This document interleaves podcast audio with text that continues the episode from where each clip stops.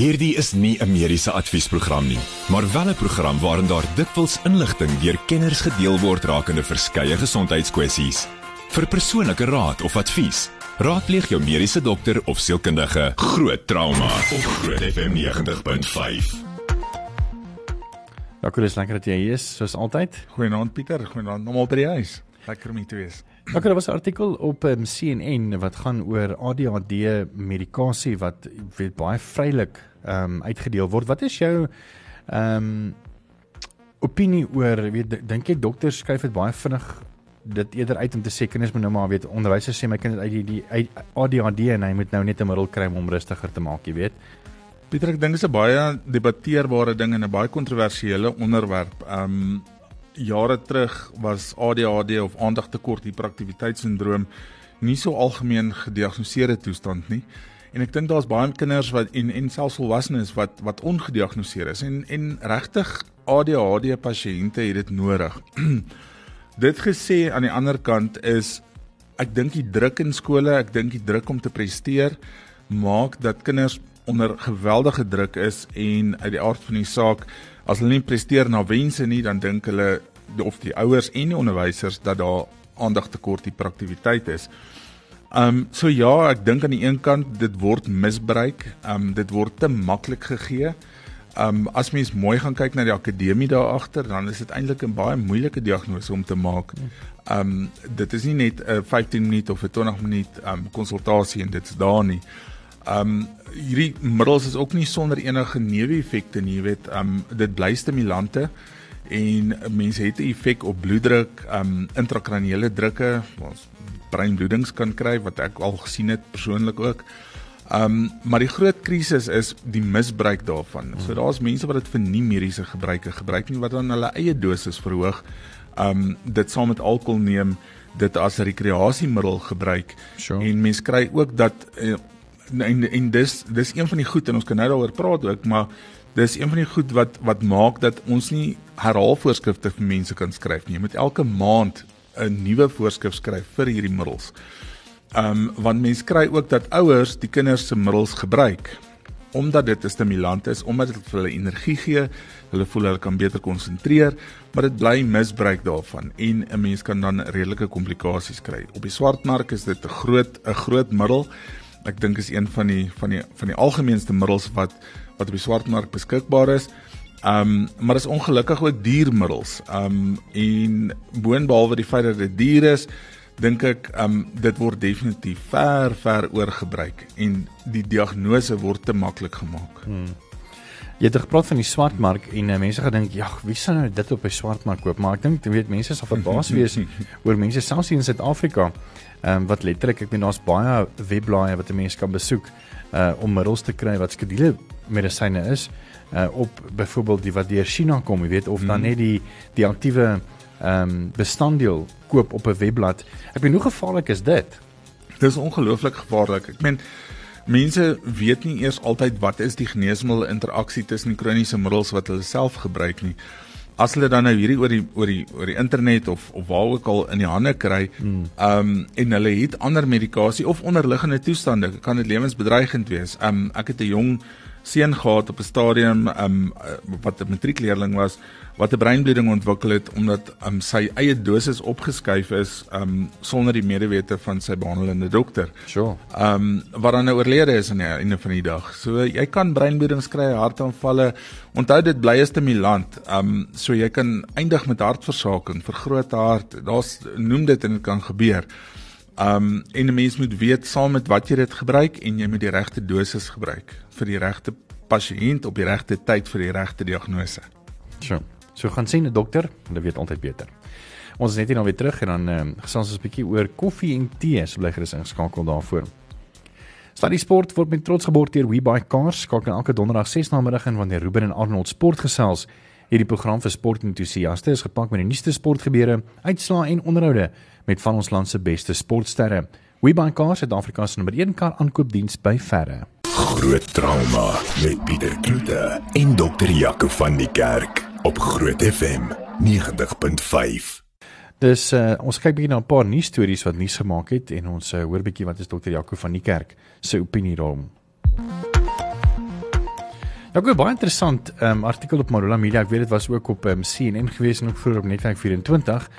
Maar ehm um, Balkbaar was 'n studie wat wat wat kan sê wat mense ehm um, se voorkeure is as jy koffie drink en watter weet andersom as hulle nou tee verkies byvoorbeeld. Ja, dit is eintlik 'n baie baie ehm um, interessante studie gewees en 'n baie oulike studie. Ehm um, die internasionale navorsingsagentskap uh, OnePoll het dan 'n studie gedoen op meer as 2000 Amerikaanse studente wat hulle dan persoonlikheidsverskille gesoek het tussen die mense wat eerder tee gebruik of of verkies teenoor die wat koffie gebruik. Mm. Um nou wat hulle het gevind dat koffiedrinkers meer eintlik introverte is, maar um meer kreatief as teedrinkers alhoewel hulle hulle self as ekstroverte sien. Um hulle het ook gevind dat koffiedrinkers um of 75% van koffie en tee drinkers drink hulle eers 'n koppie voor 8 in die oggend en dan die res dikwels deur die deur die oggend um sal hulle aangaan daarmee met wat ook al hulle kies. Um wanneer jy dit by vermaak kom, is daar ook 'n verskil tussen koffie en tee drinkers. So hulle sê dat um tee drinkers sal eerder goed uh, of programme soos Friends en The Big Bang Theory kyk waar die koffiedrinkers eerder Seinfeld um The Office en Grey's Anatomy sal hmm, verkies. So dis interessant. Raak, nee. ek weet net Max Mal with The Office en Grey's Anatomy. ja. Uh, en dan aan die ander kant uh, smaak en musiek um, wat wat vir jou bedink ek seker ook baie interessant sal wees, verskil dramaties. Hmm. Diegene wat koffie verkies, sê hulle luister graag na jazz, blues, punk, rock. In teenstelling met die teenliefhebbers wat dan 'n kombinasie van klassieke uh, musiek, country, um pop en hiphop luister. Um dit dis interessant dink ek maar um, albei uh, sê lydensnavorsing is lief vir troeteldiere maar oor die algemeen verkies koffiedrinkers meer honde terwyl teedrinkers meer katte verkies hmm. dis ook baie interessant nou Adel de Tooi woordvoerder van die Suid-Afrikaanse Rooibos uh, Teeraad sê verskeie studies oor die jare is gedoen um, ook in Suid-Afrika wat dan soortgelyke resultate lewer so ek dink daar's definitief um sin in en ek dink daar's definitief waarheid hmm. in in hierdie hierdie verskille tussen koffie en tee drinkers en die persoonlikheidstipes wat daarmee gepaard gaan. Want jy is dan seker 'n groot koffiedrinker want ek weet jy het 'n hele paar hondjies daar by jou huis wat jy vir baie lief is. Definitief. so as jy wil gaan lees dit is uh, op marulamedia.co.za die artikel baie interessant en kyk of jy ook um, sê dit is waar as jy 'n koffiedrinker is, jy weet of jy jouself hmm. kan sien in daai artikel. Luister net hier na gesels 'n bietjie oor uh, konkussie en uh, natuurlik sport op skool, ehm um, waal kontaksport. As jy laasweek se onderhoud gemis het met Dr. Amsami, ons gaan 'n bietjie weer opvolg doen vanaand en bietjie praat oor tegnologie en natuurlik oor pre-screening van konkussie op die sportveld en die meer. So bly gerus ingeskakel daarvoor. Natuurlik het Dr. Jaco van die kerk ook sy mite van die week. So bly ingeskakel daarvoor en natuurlik ook vra vir Jaco so aan die einde van die program. As jy enige mediese vrae het, dit hoef nie verwant te hou met ons onderwerp nie, is jy meer as welkom of ons um, 'n WhatsApp te stuur by 061 610 4576. Onthou standaard tariewe geld. Met die volgende program bo Groot FM 90.5 om jou as luisteraar met die nodige inligting oor 'n spesifieke onderwerp te voorsien. Alhoewel hierdie inligting dikwels deur 'n kenner op die gebied gedeel word, word jy aangemoedig om jou mediese dokter of sielkundige te besoek vir persoonlike advies of raad. Groot trauma met Pieter Kloete en dokter Jaco van die Kerk op Groot FM 90.5.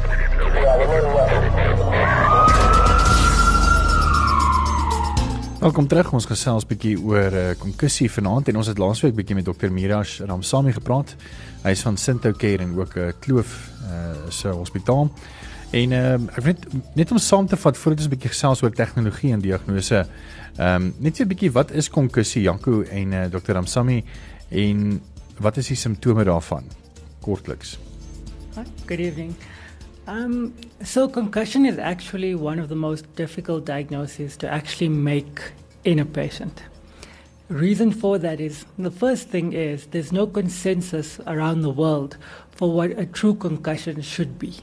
It's taken as locally it's taken as a stunning of the brain and any symptom that can be present because of a stunning of the brain would then be termed as a concussion or anything that causes that. But there are a few factors that need to be present for a concussion to be diagnosed as such. And one of those is a significant history of trauma or significant velocity of impact. Now, that is very dependent on different sports and different sort of criteria in life. So, for a race car driver, a high impact collision would be a concussion potentially. Whereas if it was a child, a two year old, sitting on a bed, depending on the child's height, falling from the bed might be significant trauma to give you a concussion. So it does change. If you're over the age of 60 and you're traveling at 60 k's per hour and you have a bumper bashing, that's equivalent to a concussion. So the mechanism of injury and the actual velocity or the type of mechanism or sports injury means a lot when it comes to diagnosing a concussion. And the second thing is you need to have a normal scan.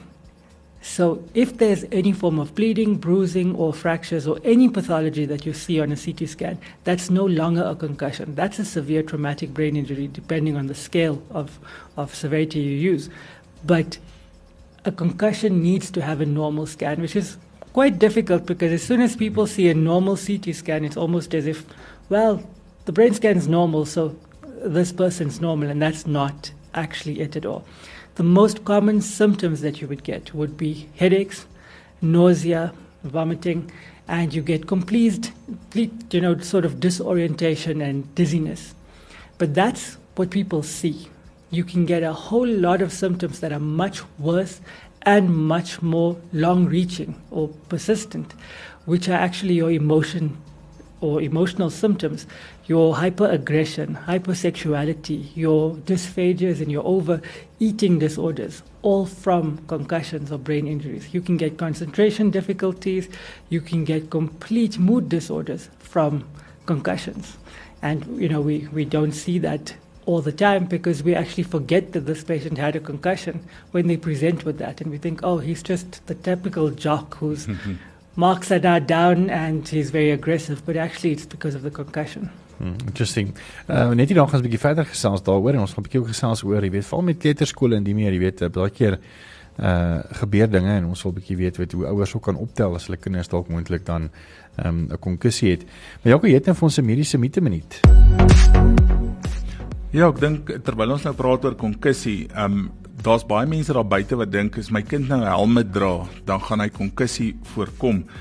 Ehm um, of helmets voorkom konkussie. En dit is eintlik glad nie waar nie. Die eintlike feit is dat wel helmets wel help om goed so skedelfrakture of ernstige hoofbeserings van 'n ander aard ehm um, te help voorkom, maar jy kan nog steeds konkussie kry al het jy 'n helmet aan. Jy geweet een renoster kalfie drink 20 liter melk per dag tot op die ouderdom van 18 maande. Groot FM 90.5 pak in April die renoster by die horings en samel vetvrye skimmed long life melk in vir die renoster kalfies wat weesgelaat is. Indien jy graag wil deelneem aan hierdie veldtog, bring jou boksie melk na Groot FM 90.5 se kantoor weekdae tussen 8:00 die oggend en 4:00 die middag by Ringwood weg 26 Linwood Manor. Daar is ook 'n trolly by Glenfair Spar en Monument Park Spar waar jy jou skenking kan indien. Skenkings is welkom tot en met 28 April. Skakel elke Dinsdag tussen 8 en 12 of althans tussen 11 en 12 in wanneer Annelie die harde realiteit van renosterstroping en bewaring aanspreek en met verskilmakende organisasies hieroor gesels. Los 'n beter begin by my en jou. Wees die verandering wat jy in die wêreld wil sien. Groot trauma met Pieter Kloete en dokter Jaco van die Kerk op Groot FM 90.5.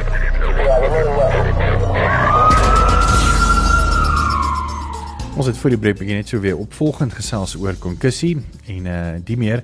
Maar iets wat my nogal baie gebly het was die feit dat ehm um, weet jy dokter Ramsami het gepraat oor 'n dogter of 'n kind wat op 'n bed sit en dan afval en dit kan moontlik ook dan konkussie veroorsaak. Um so what is the prevalence and how do parents um go about you know you know um when they go to the to the ER or the the doctor when their child is is acting abnormal that it might be concussion because some of the you know daycares you know they they won't often they they just think that the child fell off and it's okay. Let's just carry on. But then the parents normally that knows their child knows that there's something wrong.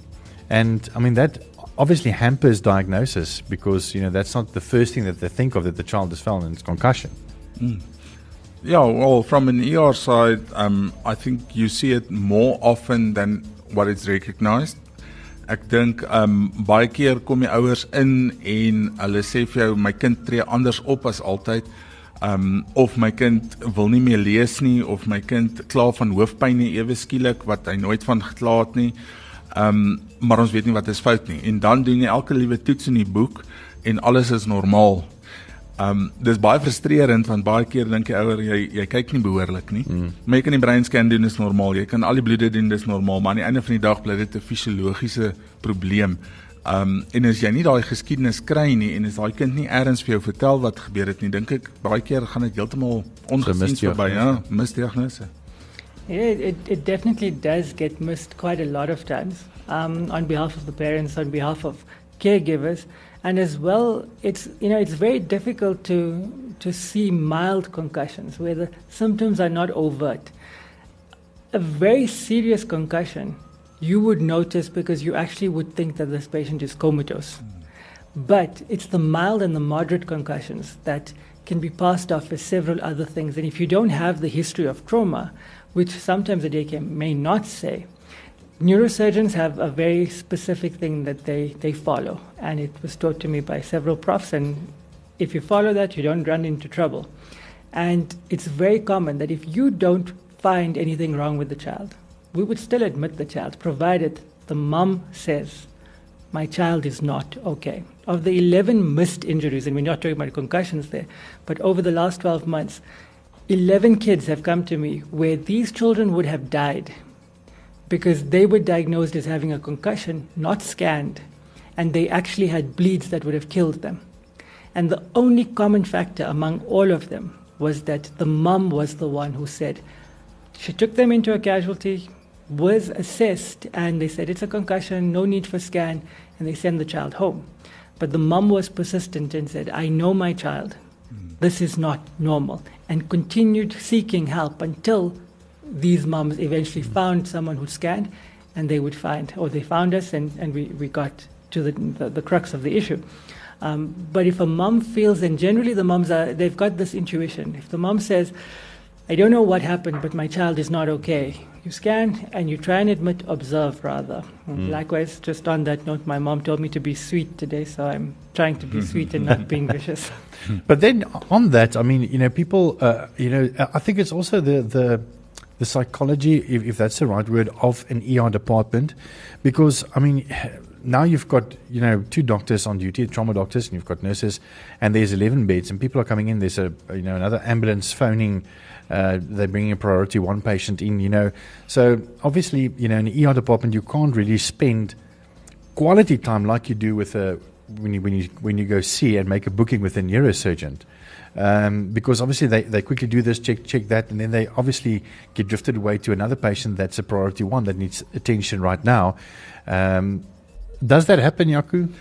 Dit gebeur baie. Um, aan die einde van die dag en is presies wat wat wat ons sê is 'n ma weet. Hmm. En baie keer ondersoek jy hierdie kind en jy sien niks, jy kry niks en daar's ook nie altyd tyd nie. Die reël by ons byvoorbeeld is as jy by 'n ander dokter was en jy's nie beter nie en jy's 'n kind, dan word jy opgeneem. Basies gewoonlik vir die pediater, maar en dan kan hulle van daar af verder gaan. Ehm um, maar as jy nie, as as 'n ma kind 'n tweede keer inbring, ehm um, dan neem jy daai kind op. Of jy iets sien of nie, jy mis dan iets. En en ons almal weet in 'n ongevalle situasie is dit nie altyd moontlik om deur elke liewe ondersoek te gaan in die boek nie en jy kan nie wag vir elke liewe bloedtoets en elke liewe scan nie. En en en dis 'n koste ding ook, jy weet, um, baie mense het nie die die fondse om van 'n op akute basis op 'n buitepasiënt basis al die scans en die en die en die bloedondersoeke te doen nie. Um maar die reël is of die goue reël is 'n ma weet en 'n ma weet wat is wanneer haar kind siek en as jy dit nie kan sien nie, dan beteken dit net jy het nog nie diep genoeg gekyk nie. So net hierna gaan ons 'n bietjie kyk oor tegnologie um en konkussie en um op ons Facebook bladsy, jy kan vinnig gaan loer op Groot FM 90.5 het ons 'n video geplaas van uh, myself en dokter Ramsami waar dan hierdie toets doen met um ek kan nie eens die benaming sou nie, maar dis hierdie toestel wat hulle op jou sit. Ehm um, dit lyk amper soos 'n VR set en dan doen hulle die toets op jou ehm um, wat dan half uh, kan bepaal of jy wel uh, konkussie het of nie. So gaan loer gerus na daai na daai ehm um, na videoetjie dit is op ons uh, Facebookblad nou en en dan bly ingeskakel aan hoor jy ook sommer wat ons sê daaroor net hierna. Hierdie insetsel word geborg deur Caressa Home Nursing Care, die voorsiener van tuisversorging en verpleging. Ken jy 'n verpleegster of 'n versorger wat gereeld sy of haar pasiënte se lewe verryk? Of het jy self kennis van versorging deur hierdie persoon? Help ons dan om aan hierdie persone erkenning te gee. Al wat jy moet doen is, is om 'n geregistreerde verpleegster of versorger te nomineer. Hy of sy moet in Pretoria woon en in die afgelope 2 jaar verskil in iemand se lewe gemaak het. Stuur die nominasie per e-pos na grootverpleegster@caressa.co.za met jou motivering oor hoekom jy hierdie persoon nomineer en hy of sy staan 'n kans om 'n maandelikse finalis te word en uiteindelik in Mei 2023 weg te stap met R30000 kontantprys van Caressa en R20000 se vakansie van Sonja Smit begrafnisdienste BSN feesgeld. Sedert 2004 is die verpleegkundiges Gerry en Vanessa Skeepers se fokus die tuisverpleging van pasiënte en bejaardes. Indien jy verkies om tuis aan te sterk na hospitalisasie, sal Care by Vanessa jou tuisverpleging met sorg bestuur. Skakel Care by Vanessa by 012 947 9799. Besoek ons op Facebook of by caressa.co.za. Professionele tuisverpleging met deernis.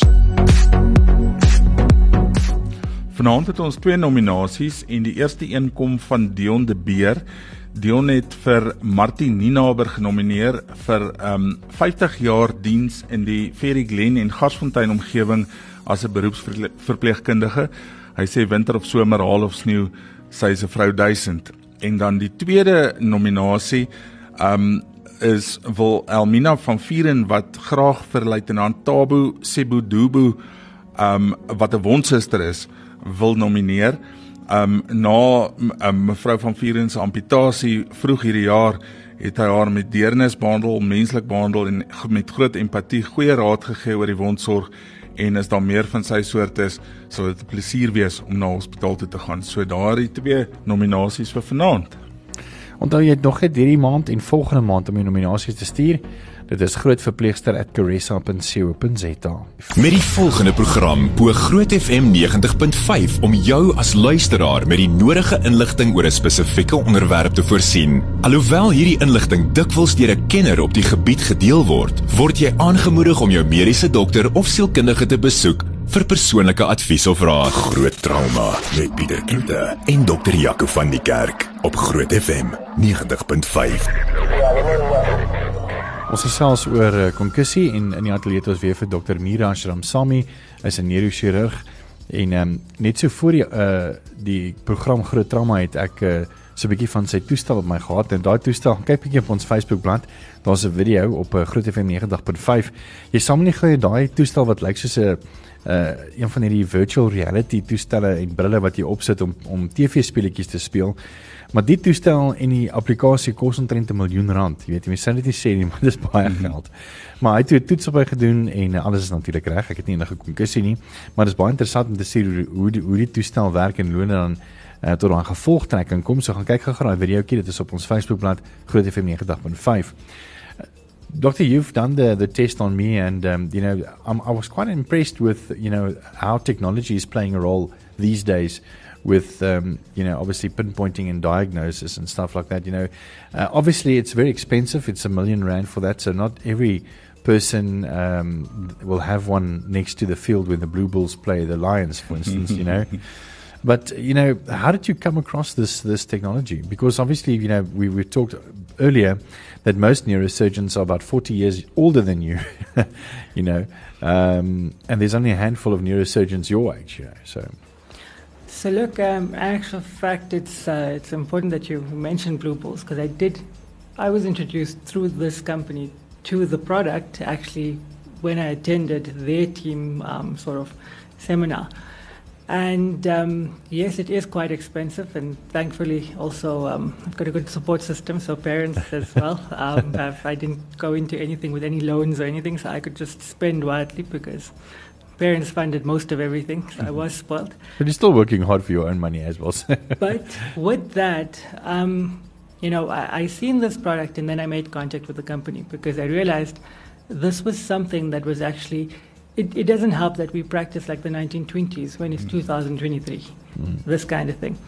And um, then I did some research into the SyncThink product, which is actually it is a VR system that does that employs eye tracking.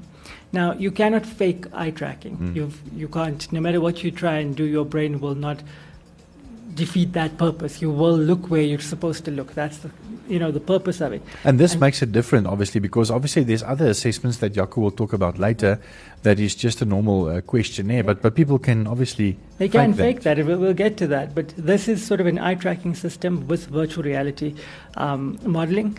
And you put it on. It takes, for the basic assessment, it takes about 15 minutes. And you can then look at the ocular movements, you can look at the pupil reactions. And all of these things tell you basically in terms of the communication of the brain, how the momentum is, how your physiology is actually working at that point. Whereas, remember, a scan shows you structure, it doesn't show you physiology. Hmm. And a concussion is not a structural abnormality, it's a physiological abnormality. So, with that, this does give you a baseline. Now, there's two types of testing, and you can have your baseline assessments and then you have your post concussion assessments. And that is a sticky issue, so I will remember to be sweet, but it is something we need to test mm. or, or, or touch on. Is that I must make it very clear, and concussion remains a brain injury.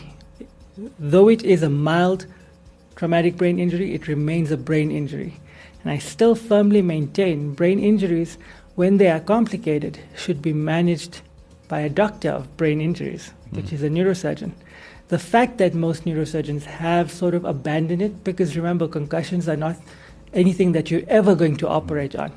So it doesn't drive any financial incentive because it doesn't help me financially to admit a patient with concussion. The amount I get from that is minuscule. But it is something that's needed. And that is, you know, one of the points is that concussions remain a brain injury. And unfortunately, pre-screening has become a, or fortunately rather, pre-screening is a prerequisite now, and it's been driven by the rugby board. So that you can know anyone who's under threat of getting a concussion. You get a screening assessment done, and that will give you a baseline of your function. So, should you have a concussion at some point, we have actual data which can show just how far you've moved from your baseline, and that helps le- uh, shorten the stay. It helps target the treatment so we can get the concussion relieved very quickly. Now, there's few problems with that. There isn't standardization of the pre-screening tests, and we'll touch on a few of them. Um, but also, when someone has a concussion and ends up two days later or the day of the injury needing to come to the hospital because the parents or someone cannot handle them, uncontrollable vomiting and things like that, that gets handled in a hospital. But currently, apart from Centocare and Mediclinic Kloof, no other hospital is doing pre-screening. And no other doctor is actually doing pre-screening right now, which I don't know why. The doctors that are doing pre-screening, and so uh, I'll add a, add a caveat to that, the doctors who are doing pre-screening don't actually have admission rights to any hospital. So the day that there is a concussion that needs admission, you still have to go via someone else to get admitted or through the emergency center. And that's okay. There's nothing wrong with that. The problem is, of all the concussions I've seen in a year, all of these kids have had pre screening. I have not gotten a single pre screening pamphlet that these kids have had, or I was not able to retrieve after three to five days from each you know, physician or doctor, whoever they may be, to actually request the various tests, and it hasn't come through. So that means the purpose of the pre screening is actually null and void in that point. I don't know if you wanted to touch on. Yeah, well, I think um, a very important thing that you mentioned is it, it's regarded as a mild head injury, but the physiology changes, and that physiology change can be permanent. Um, there's a lot of screening tests, and one of them, uh, most most often, um, most the rugby players will know the SCAT5 test and the child SCAT5. What is that, and how can they manipulate it? Okay. So the SCAT5 is a sport concussion assessment tool. Okay, and there are several types of them. These are a system of questionnaires that have been developed by the concussion societies of the world. and they are excellent tools. I, I definitely want to emphasize that that I'm not saying the SCAT5 or any of these, the CRT5, are any, you know, are, are terrible. They are good assessment tools. Important with them is to realize that these tools must be sort of implemented by a qualified professional who is trained in concussions and is used to concussions, mm. and importantly, can manage the complications of a concussion. That's the first thing. The second thing is they are purely assessment tools. They are not clinical diagnostic criteria. They remain assessment tools. They are like magazine um, questionnaires that say whether your personality is such or whether your love language is affectionate words or something like that. Yeah. They are not psychiatric mm-hmm. assessment tools, you know, in terms of diagnosis. That remains. They are assessment tools for screening. They are not medical diagnostic tools. Now, the SCAT5 is a marvelous assessment tool and it has several questions about when did the injury happen, were you ever exposed to an injury, do you have headaches, do you have nausea, vomiting, those kind of things. And it's quite a lengthy ex- assessment. A few things with that is ultimately it gives you a score.